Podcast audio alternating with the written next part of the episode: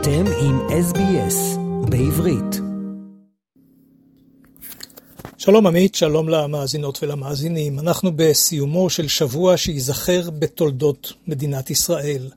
אם בחצי השנה האחרונה התנהל המאבק החריף על שינויים בחוק ברוח אה, ממשלת הימין הקיצוני בהנהגתו של נתניהו, הרי השבוע הצליחה קואליציית הימין לבצע את השינוי המשפטי הראשון.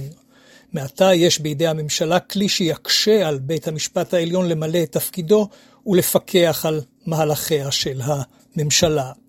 היוזמה הבעייתית והמסוכנת שהוביל שר המשפטים לוין, אה, ביטול עילת הסבירות, נכנסה לספר החוקים של מדינת ישראל. ברחובות ישראל נמשכו גם אמש הפגנות ענק נגד מדיניות הממשלה ותוכניותיה לקדם חוקים נוספים. אבל בימים האחרונים דומה כי גם בתוך מפלגתו של נתניהו נשמעים עכשיו קולות המבקשים אה, לעצור את מתקפת החוקים ולהרגיע את הזירה הפוליטית. המבקר הבולט ביותר הוא כנראה אה, שר הביטחון יואב גלנט. עוד ביום שני שבו הצביעה הכנסת על החוק לביטול עילת הסבירות, היה זה גלנט שלחץ על נתניהו אה, למתן את החוק או לדחות את אישורו. מי שעקבו אחרי השעות הדרמטיות מעל אה, מסכי הטלוויזיה ביום שני, יכולים היו לראות כיצד שר הביטחון מנסה נואשות לשכנע את נתניהו לרכך את החוק, או כאמור לדחות אותו. גלנט יודע היטב מה המחיר הכבד של החקיקה. צה"ל ובעיקר חיל האוויר נמצאים במצוקה. מאות טייסים, אה, לצד בעלי תפקידים חיוניים אחרים בחיל האוויר, כבר הודיעו שלא יגיעו למילואים אם יחקק החוק. צריך להבהיר, אלה אינם אנשים המחויבים לשירות מילואים בשל גילם, אך הם ממשיכים למלא תפקידים חיוניים בצה"ל בהתנדבות. לא רק אה, גלנט מודאג, כאשר במליאה עסקו בחוק, הגיעו לבניין, לבניין הכנסת, כמה אלופים אשר ביקשו לשוחח עם נתניהו על החוק ועל השלכותיו. נתניהו סירב ודחה את השיחה איתם למועד אחר. ביום ההצבעה נמנעו שרים מן הליכוד לקרוא לעיכוב ההצבעה. החשש שלהם, כמו של נתניהו, היה ששרים, ובראשם השר איתמר בן גביר, יפילו במקרה כזה את הממשלה של נתניהו. אבל ככל שחולפים הימים, יותר ויותר שרים וחברי כנסת בכירים אה, קוראים שלא להיכנע לבן גביר ולקיצונים אחרים, ולעצור את שטף החוקים המתוכננים. הם רואים לא רק את הירידה בכוחו של הליכוד על פי סקרים בימים האחרונים, אלא גם את הנזקים לכלכלה הישראלית ולמעמדה הבינלאומי של המדינה. צריך לזכור, המחלוקת העמוקה הקורעת את ישראל איננה אה, מתנהלת רק בתחום החקיקתי. אה, ולא, גם לא רק בתחום הביטחוני. השפעותיה ניכרות אה, בשורה של תחומים, הבולט שבהם הוא הכלכלה. העובדה שחברות רבות שהשקיעו בישראל בתחומי הייטק ובתחומים אחרים, מבקשות עכשיו להעביר את כספם למדינות אחרות. לא רק מטלטלת את עולם עסקים, היא גם ממריצה ישראלים לחפש את עתידם מחוץ למדינה.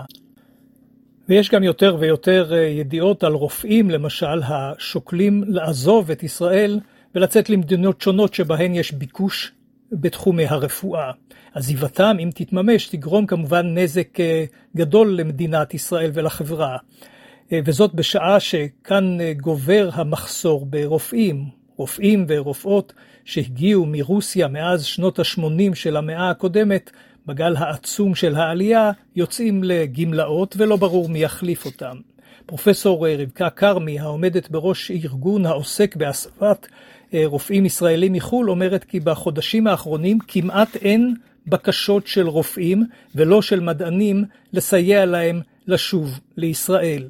וכך בתוך המהומה הגדולה הזו, ובוודאי על רקע החששות מפגיעה בכלכלה הישראלית, בחר אה, ראש הממשלה בנימין נתניהו בשבוע שעבר לא לפנות אל הציבור בישראל, אלא להתראיין באמצעי תקשורת אה, בינלאומיים. בימים האחרונים הוא העניק שורה של אה, ראיונות לכלי תקשורת אמריקאים בולטים.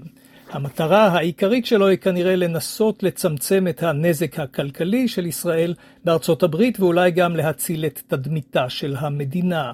זה היה בהחלט אה, מוזר. נתניהו לא פנה אל אזרחי ישראל בעברית, אלא לתקשורת האמריקאית. אולי באמריקה הוא חש בביטחון רב יותר מאשר כאן אצלנו, מי יודע. ואולי אה, בעיניו האתגר החשוב ביותר הוא שמירת היחסים עם הבית הלבן. אבל הנשיא האמריקאי ביידן איננו ממהר לחבק את נתניהו, וכאשר ראש ממשלת ישראל מבקש להיפגש עמו בבית הלבן, דוברי הנשיא מסתפקים באמירה כי תהיה פגישה בארצות הברית, לאו דווקא בבית הלבן. ייתכן שזה יהיה בעצרת האו"ם שתתקיים בספטמבר, מפגש שם הוא פחות מכובד מאשר בביתו של הנשיא. ואגב, כדי לחדד את המסרים של ביידן לנתניהו, נעזר הנשיא בין היתר בכתב הבכיר של הניו יורק טיימס, תום פרידמן. פרידמן כבר הפך לערוץ מרכזי להעברת המסרים מן הבית הלבן לראש ממשלת ישראל. מתברר שכאשר לביידן נדמה שנתניהו איננו מפנים את המסרים שלו, של הנשיא, פרידמן נקרא להעביר את המסרים האלה בעמודים המכובדים של הניו יורק טיימס. אגב, ביידן העלה באחרונה את האפשרות של התקדמות ביחסים בין ישראל לערב הסעודית. אך נראה כי כל עוד uh, מניח uh, נתניהו לקיצוניים בממשלתו לטלטל את ישראל, ספק רב אם יתאפשר חיבוק סעודי עם ישראל. השורה התחתונה אפוא, הטלטלה הפוליטית העזה רחוקה מסיום. איך יצא מזה נתניהו ואיך נצא מזה כולנו, כלל לא ברור. עד כאן רפי מן, המשדר לרדיו SBS בעברית מירושלים. רוצים לשמוע עוד סיפורים? האזינו דרך האפל פודקאסט, גוגל פודקאסט, ספוטיפיי, או בכל מקום אחר בו ניתן להאזין לפודקאסטים.